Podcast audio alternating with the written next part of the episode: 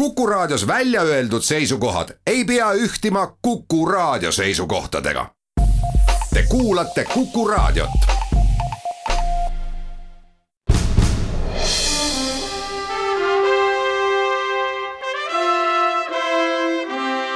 vahetund Postimehega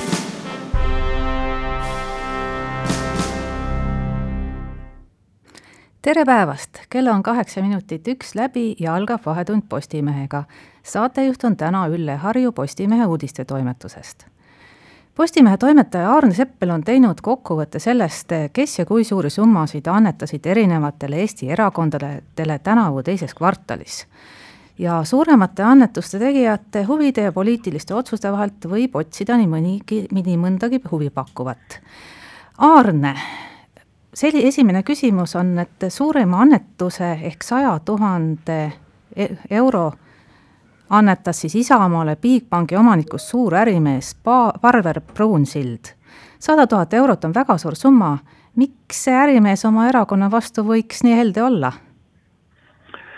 tervist, ega seda ei olegi niisama lihtne ütelda, et miks ta nii helde on aga kui vaadata, Parvel Pruunsild on üks Bigbanki omanikest ja kui vaadata tema, tema ja siis Isamaa erakond, millesse ta kuulub, ajalugu, siis äh, tuleb välja, et äh, ega ta on lahke olnud ka varasematel aastatel.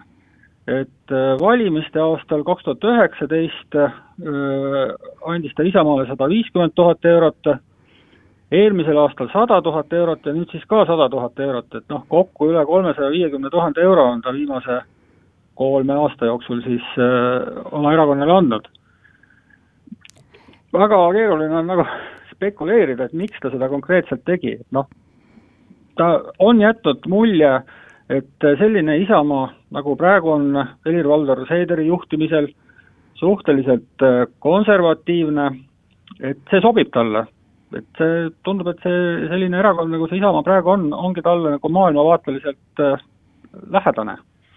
kas Isamaa on teinud ka mingeid poliitilisi otsuseid valitsuses olles, mis võivad olla härra Pruunsilla jaoks ka majanduslikult tulusad?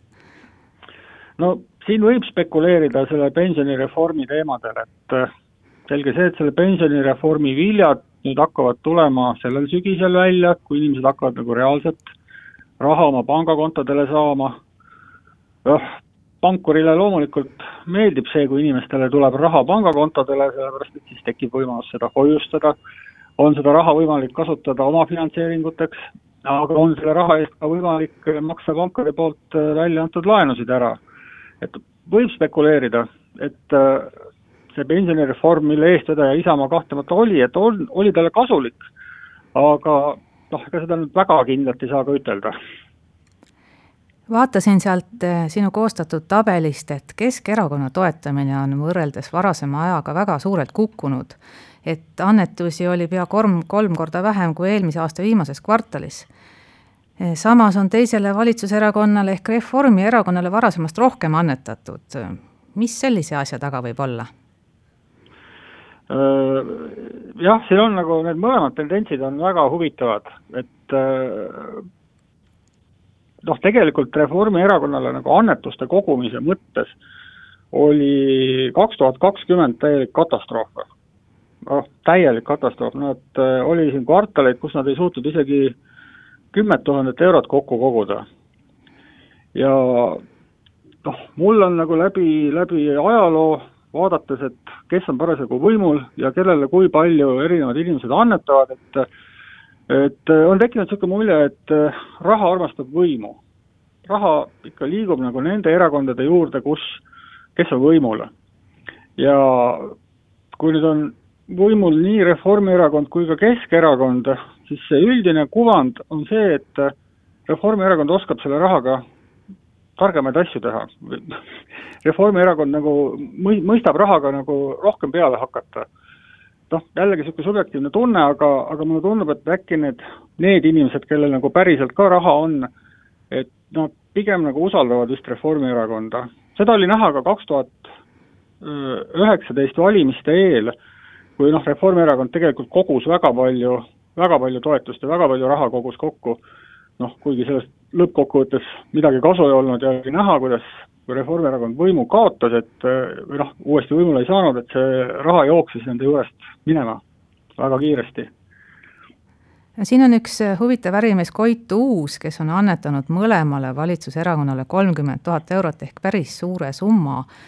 et viskasin pilgu peale, et mida see härra on varem teinud ja siis jäi silma, et prokuratuur poolteist aastat tagasi uuris Koit Uusi antud laenu Reformierakonna poliitikule Heiki Kranichile.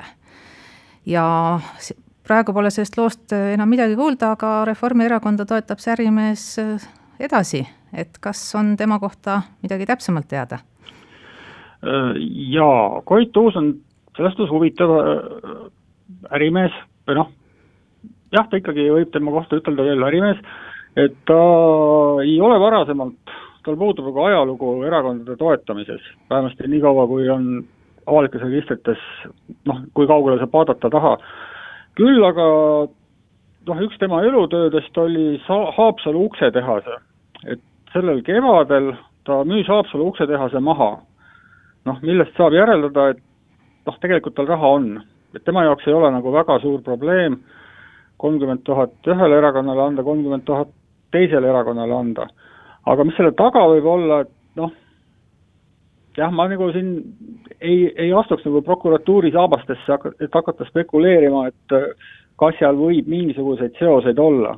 noh, kahtlemata võib, aga ei tea küll aga jäi ta mulle silma sellega, et ta nüüd avaldas äh, kuu aega tagasi soovi Lääne-Nigula vallas osta Võru hooldekodu vähemusosalus saja tuhande euro eest. Äh, noh, me teame, et mitmed endised, no tegelikult mitte endised, aga noh, ütleme ka praegused reformierakondlased, kes äh, enam ei poliitikaga aktiivselt ei tegele, et noh, nad tunnevad huvi hooldekodude äri vastu, noh äkki seal on mingid seosed, võib-olla mitte. aga noh, jah, see on niisugune detail, mis jäi, jäi silma Koit Uusi Lõp puhul. lõpetuseks kahe sõnaga, mida arvata EKRE-le tehtud annetustest, mis valdavalt olid kaheteist-eurosed? EKRE on noh, nii nagu ta on fenomen oma toetuse poolest, küll pakuti, et ta kunagi ei hakka, tema populaarsuse tõuse üle viie protsendi, üle kümne protsendi, üle viieteist protsendi, üle kahekümne protsendi. Ja noh, kõik see on juhtunud. Ja selles suhtes on ta fenomen, et äh, kui EKRE-le äh, teises kvartalis neid inimesi, kes annetuse tegid, oli üle tuhande viiesaja. noh, tundub, et võib-olla ei ole väga suur number, aga ülejäänud erakondade puhul see annetuse tegijate arv jäi noh, kolmesaja ja kuuesaja vahele. ehk siis äh, tundub, et EKRE on suutnud rahvast mobiliseerima pigem selle, selle põhimõttega, et okei okay,, kui teil ei ole palju raha annetada, annetage natukenegi, andke kümme eurot, kaksteist eurot, viisteist eurot ja neid annetusi palju koguda. tõsi, see küll ei, ei too nagu palju raha kokkuvõttes, selles suhtes, et kui vaadata nagu neid üldsummasid, siis EKRE kogus äh, teises kvartalis kolmkümmend tuhat eurot, samal ajal kui Isamaa sada kolmkümmend viis tuhat, Keskerakond seitsekümmend viis tuhat, Reformierakond sada kakskümmend kuus tuhat. et noh, see summa ei ole võrreldav aga noh, tundub, et see ongi nende strateegia ja võib-olla nad üritavad jätta rahvale head muljet, et noh, meie ei taha suurärimeeste raha, küll aga me võtame vastu rahva raha, kuigi seda võib-olla ei ole väga palju. aitäh nüüd Arne Seppelile, nüüd on aeg ära kuulata reklaamid, kohtume taas pärast pausi.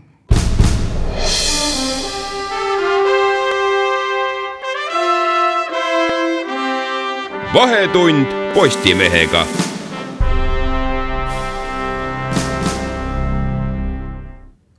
tere tulemast tagasi.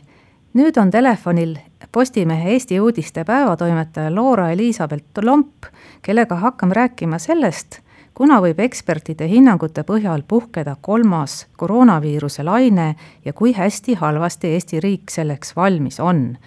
Loora, sa kirjutasid Postimehes, et Eesti vaktsineerimistempo on Euroopas viimastes kolmandikus.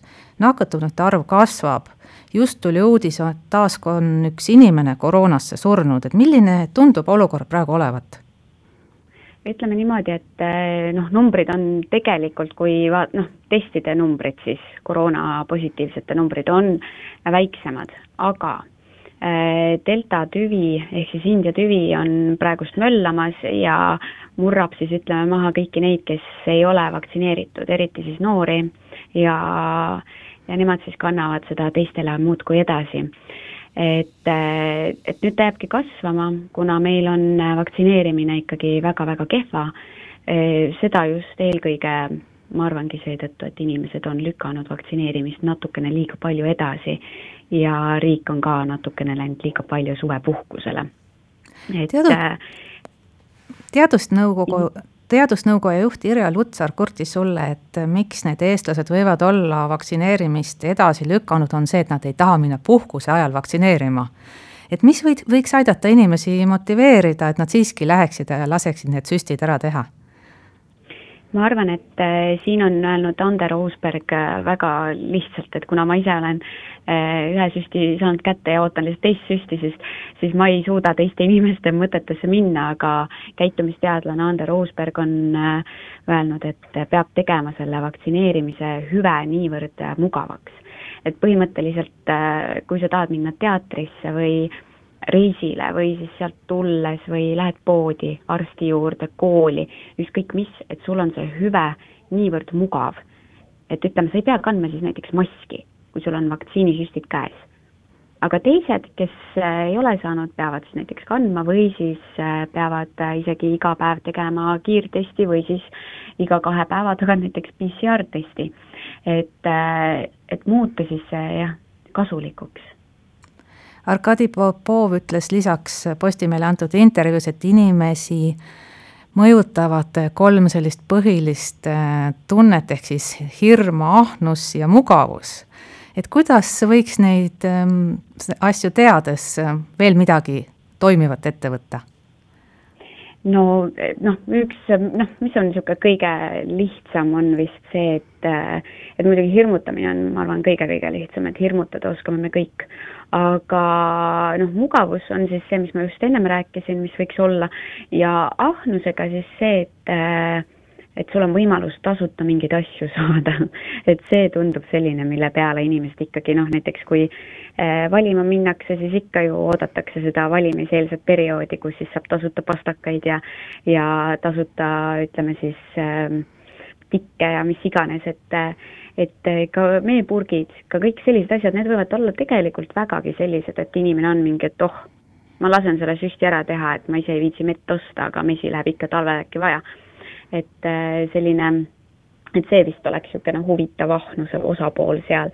aga mis siis oleks äh, tegelikult äh, kõige parem, on see, et kui inimene mõtleb selle peale, et ta saab praegu selle süsti kätte, saab teise süsti kusagil septembri, noh, ütleme enne septembrit, et siis ta teab, et ta on sügisel, kui haigus saab jälle hoo sisse juba ilma tõttu, on ta rohkem kaitstud ja ta kaitseb ka teisi sellega praegu nakatuvad ju kõige rohkem vaktsineerimata noored ja kooli alguseni pole eriti kaua aega jäänud.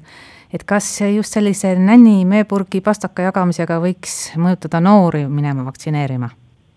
no noori, ma arvan, kõige rohkem mõjutaks see, kui äh, nüüd jõuaks valitsus selle otsuseni, et pidudel saavad osaleda ainult äh, vaktsineeritud inimesed või siis, et tead, kui tahad baari minna, kui tahad minna äh, festivalile, siis äh, mitte isegi kiirtest, vaid minaneelutesti või siis vaktsineerimistõend.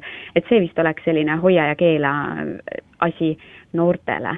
aga lastele ja noh, võimalik ka teist, noh, ütleme siis vähe, vähemuses olevatele noortele, et kindlasti ka mingi nänni asi aitaks et eh, noh, noorteni on lihtsalt keeruline jõuda ka, et meil valitsuses ei ole ühtegi kahekümneaastast, et ehm, et eh, nende mõttemaailm ongi, ma arvan, keeruline lihtsalt kõikidel mõista. sa oled rääkinud mitmete ekspertidega sel teemal, et kuna see kolmas viiruselaine võib Eestis siis puhkeda, hoo sisse saada, et milline tunne on, et kuna see võib juhtuda, mis sisetunne ütleb no, praegu? viimane, viimane kõige värskem asi on see, et Üllar Lanno, Terviseameti peadirektor, ütles, et kolmas laine on juba käes ja see on siis India tüve oma. Äh, mina ise ütleksin selle peale, et äh, inimesed näevad seda augusti alguses, kui ei ole enam viiskümmend, nelikümmend äh, nakatunut päevas, kui on juba sada viiskümmend, sada kuuskümmend ja siis need numbrid muudkui tõusevad et äh, siis saab inimene alles aru, et oo, me liigume sinnapoole, kus me tulime kevadest. et äh, nüüd tulevad ka mingid piirangud. et siis no. alles inimene saab aru, et laine jõuab kohale lõpetuseks küsin, et millised on sinu hinnangul kõige suuremad vead, mida Eesti on teinud koroonaviirusega võitlemisel? näiteks tänases Postimehes on Kadri Tammepuu artikkel, mille pealkiri on suisa Riik vilistab seadustele, et kuidas sa seda teemat kommenteerid? Mõeldes näiteks ei... Terviseameti külmlao teemale vot Terviseameti külmlao peale ma siiani ootan Riigi Kinnisvara Aktsiaseltsilt mingitki, noh, mingitki ütleme, vastuseid, et äh, miks nende ehitatud äh, külmaruumid ei pidanud vastu, et olgu need Terviseameti teavitussüsteemid, et see on omaette asi, aga Terviseameti teavitussüsteemid vähemalt kahel korral näitasid, et temperatuur tõusis. riigi kinnisvara on aga täiesti vaiki, et äh, kui meil on avatud poliitika olnud siin viimased aasta aega, kus räägitakse muudkui, et oleme ausad koroonast ja vaktsiinidest ja ravimitest, siis võiks ju ka riigi kinnisvara olla aus. aga ma ise arvan, et äh, peaks rohkem olema ikkagi ütleme, sellist reklaami ja et nad peaksid ise ka aru saama, et kui on, äh, kui on mingi hanke taga, juunikuus, on hanke taga lihtsalt reklaamplakatid, kõik asjad, et inimene iga päev näeks, et mine vaktsineerima, mine, mine, mine, kuni lõpuks on mingi, et ah, ma teen selle ära, on ju. et äh, need on hanke taga, lihtsalt olid kinni juuli keskpaigal või noh, mis juuli nüüd, mis keskpaik, juuli alguseks siis, ütleme kaks nädalat läksid mööda, alles hakati tegema mingit kampaaniat, mingi väike reklaam kusagilt tekkis. et äh, kui meil on kriis, siis võiks ju ka riik natukenegi reageerida sellele kiiremini. ja ma arvan, et äh, ka poliitikute iseenda välja öeldud äh, ei, ei ole neil kokku lepitud, et see võiks ollagi ikkagi ühtsem aitäh, Laura! meil on nüüd aeg läbi, nüüd kuulame ära reklaamid ja pooltunni uudised. pärast pausi tuleb Kuku raadio stuudiosse maavallakoja esindaja Andres Heinapuu, kes räägib looduslikest pühapaikadest.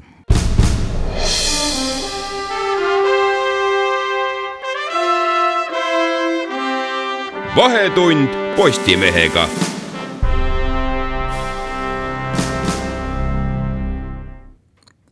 tere taas, läheb edasi saade Vahetund Postimehega.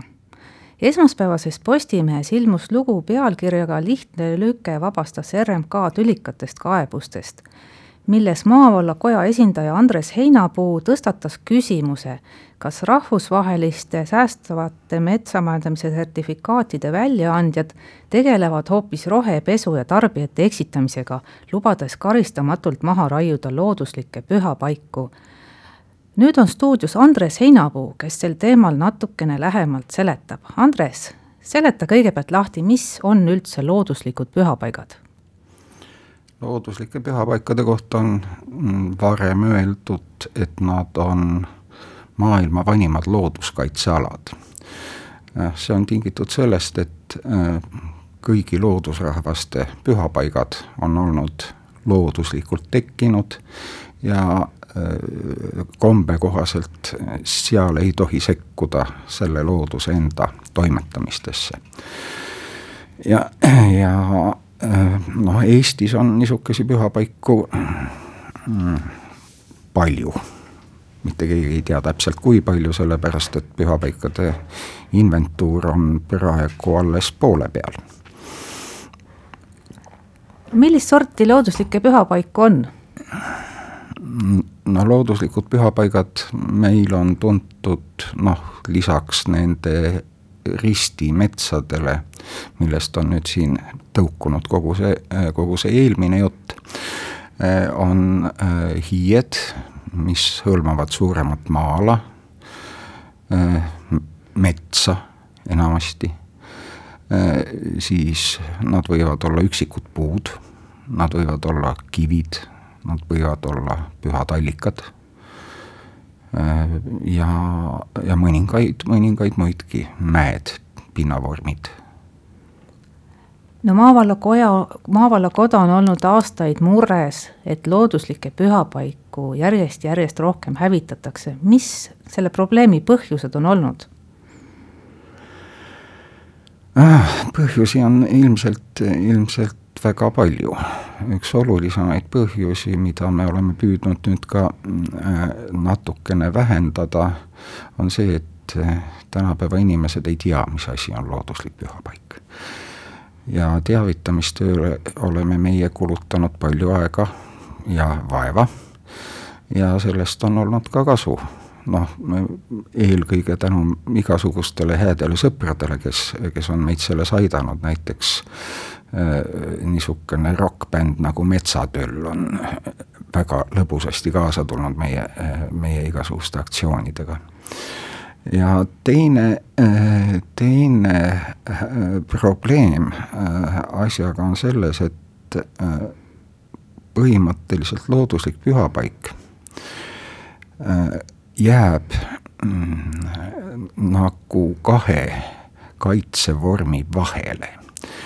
ühest küljest peaks ta olema looduskaitse all aga teisest küljest, kuivõrd temaga on seotud pärimus, äh, siis, äh, siis äh, kukub ta natukene ka muinsuskaitse alla. Ja noh, üks ja noh, Nõukogude okupatsiooni ajal võeti looduslikke pühapaiku küll kaitse alla, aga noh, nelisada üheksakümmend neist on võetud muinsuskaitse alla kui arheoloogiamälestised ja enam-vähem teist sama palju on, äh, on looduskaitse all, mõni, mõned neist kattuvad. et on mõlema kaitse all. Ja, ja siis äh, ja, ja, ja seetõttu äh, niisugune kaunis bürokraatlik,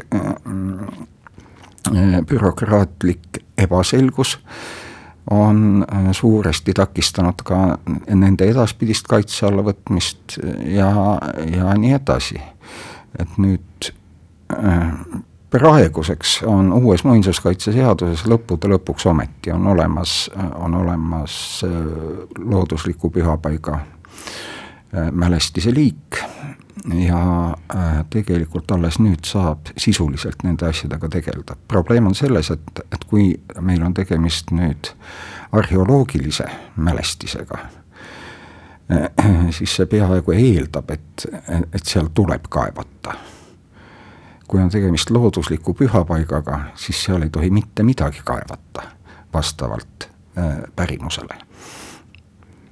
kas riigil on ülevaade olemas, et kus need looduslikud pühapaigad asuvad? no nagu ma ütlesin, et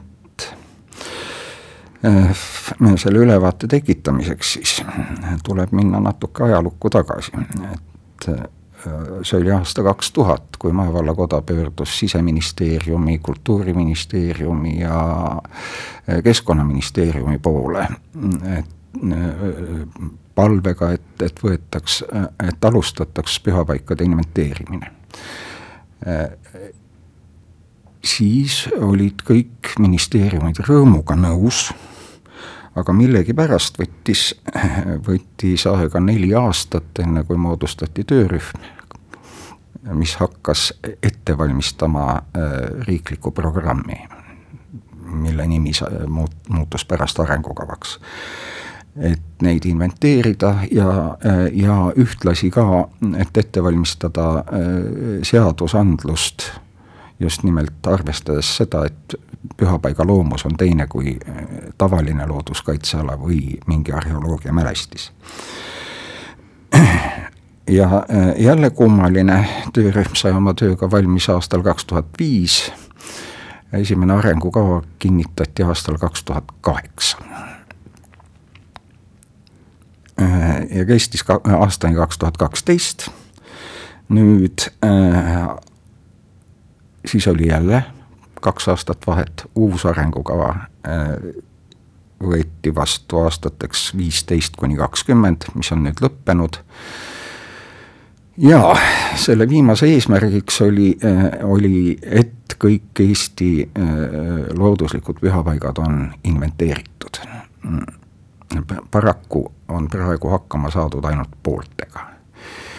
nii et täielikku ülevaadet ei ole riigil siin Maavallakoda on äh, ja IT-maja, mis on Maavallakoja poolt moodustatud sihtasutus, on äh, omaalgatuslikult äh, teinud ka mingisugust tööd, aga mingisugust, riigil mingisugust ülevaadet ikkagi selle kohta veel ei ole.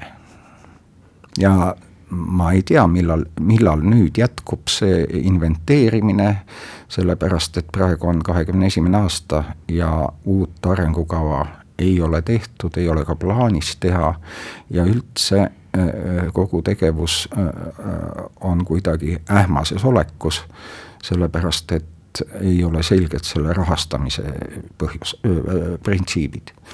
No samal ajal on juba aastaid kehtiv üle, üle rahvusvaheline säästva metsamajanduse sertifikaat, mille omanikul ehk siis ettevõttel, kes tegeleb metsamajandamisega, on keelatud maha raiuda näiteks looduslikke pühapaiku, hiisi, ka ristipuid. aga ometigi on meie Riigimetsa Majandamise Keskus väga hoolega nendes ristimetsades sellist hävitustööd teinud, et maavallakoda koondas kokku siis vähemalt kakskümmend viis maha raiutud või osaliselt maha raiutud ristimetsa. et kas Riigimetsa Majandamise Keskusel tõesti see teave oli nii puudulik, et nad nii kõvasti on ristimetsi maha raiunud?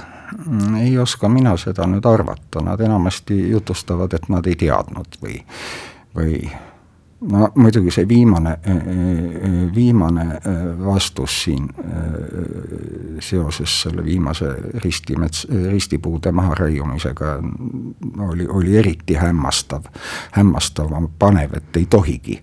inimesed ei tohigi üldse, peavad enne luba küsima, kui nad neid riste teevad, et noh, et see, see oli küll nüüd Eh, sealtpoolt tulev erakordne ülbus, varem on nad, eh, on nad olnud vähemalt sõnades sihukesed vastutulelikud ja ja mitmeid suulisi kokkuleppeid selle kohta ja tõotanud ja lubanud, et nad enam ei tee, eh, on olnud nii, et nii et ei oska mina nüüd arvata, kas nad tõesti on nii rumalad või, või lihtsalt mängivad lolli nii, nüüd tuleb väike reklaamipaus, pärast seda jätkame Andres Heinapuuga juttu võitlusest looduslike pühapaikade paljaks raiumise vastu.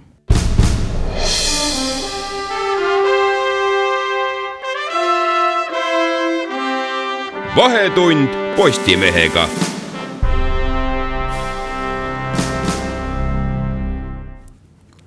Tere tulemast tagasi, jätkame juttu maavallakoja esindaja Andres Heinapuuga kes on pikemat aega pidanud võitlust selle eest, et Riigimetsa Majandamise Keskus ei raiuks maha looduslikke pühapaiku.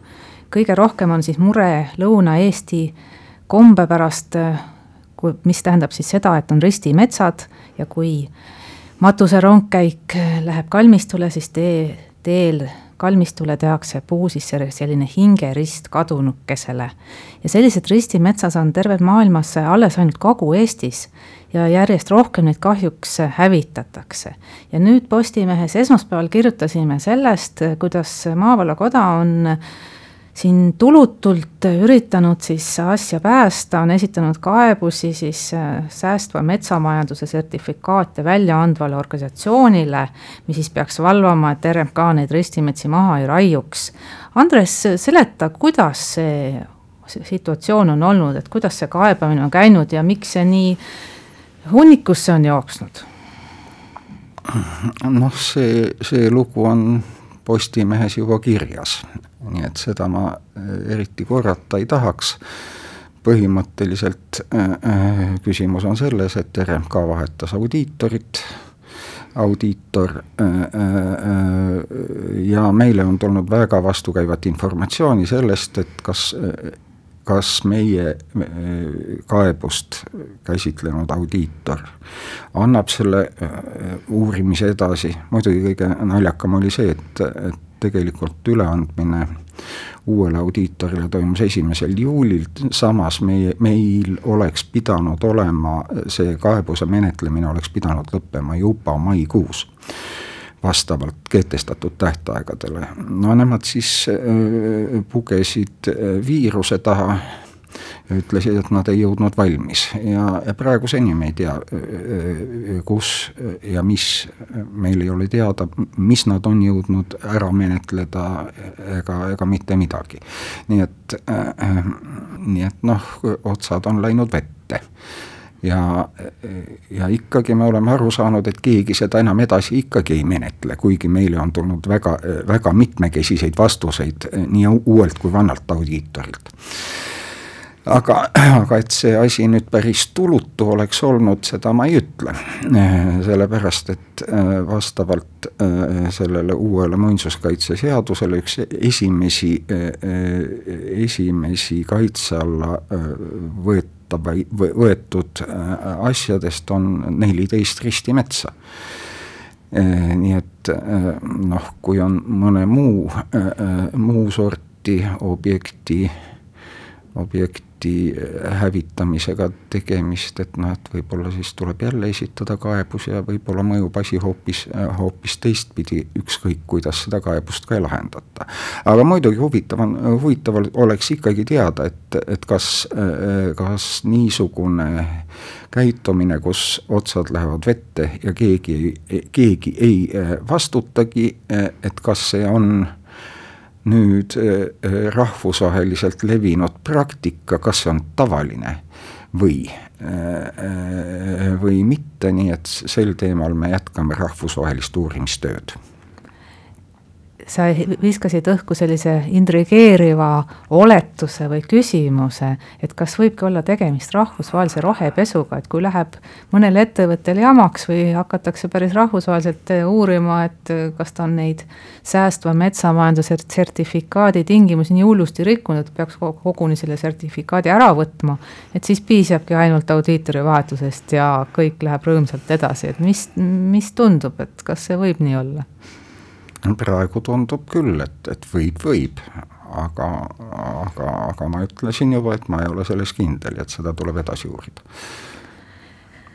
Kas, kas see, et Postimees nüüd seda teemat kajat-, kajastas, et kas see on ka midagi muutnud, et ma saan aru, et kaebate siis edasi, et ei jäta nüüd jonni, et? ei, noh, see on nüüd ma arvan, et ei ole mõtet hakata rääkima, mis organisatsioonid ja, ja, ja kuhu täpselt, see oleks liiga keeruline, aga, aga me jätkame.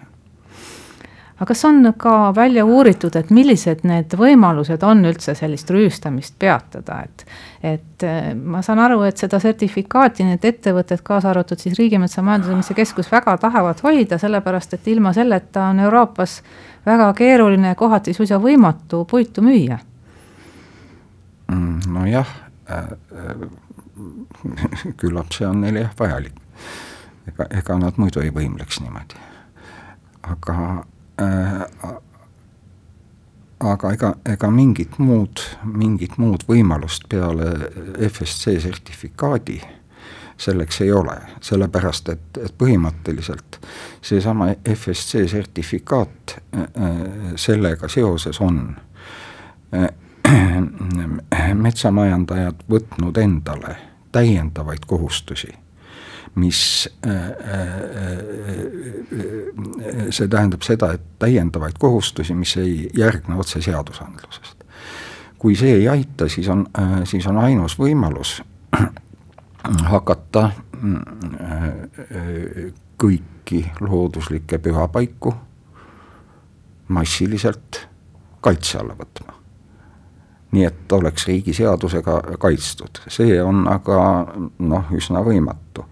sellepärast, et noh, näiteks praegu, kui on, meil on inventeeritud eks ju pool Eestit ja siis praeguseks Harjumaalt, Virumaalt ja Läänemaalt ilma Hiiumaata esialgu on Pühapaikade eksperdinõukogu Muinsuskaitseameti juures teinud saja kolmekümne kaitse alla võtmise ettepaneku.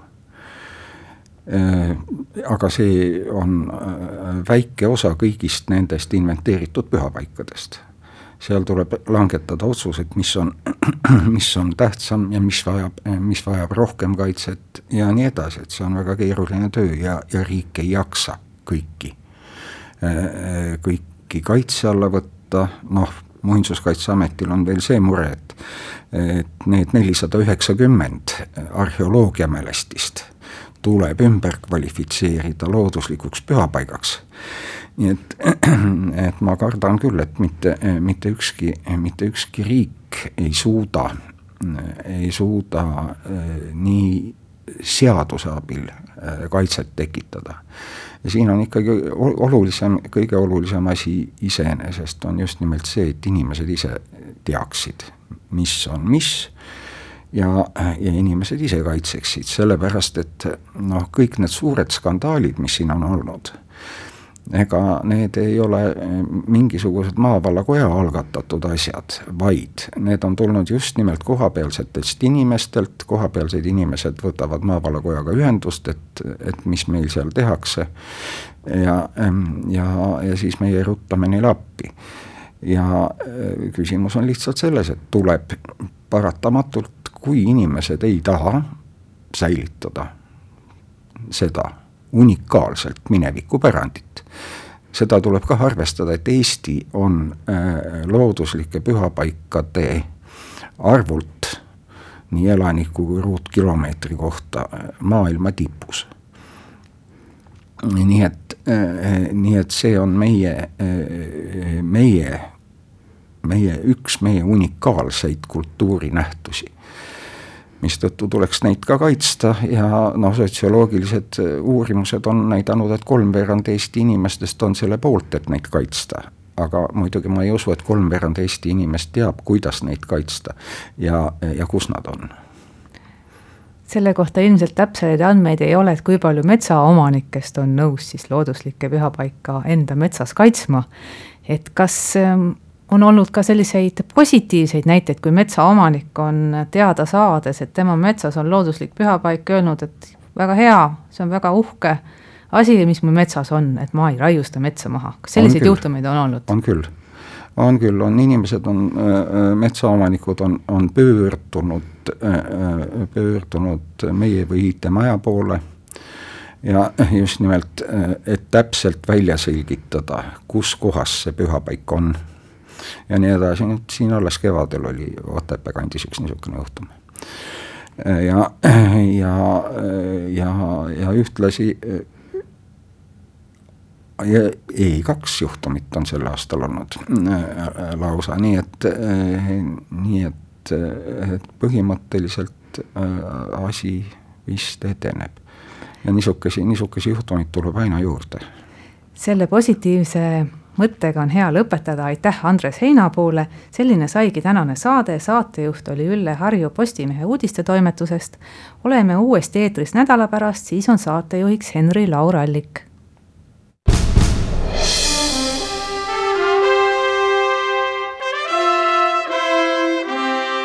vahetund Postimehega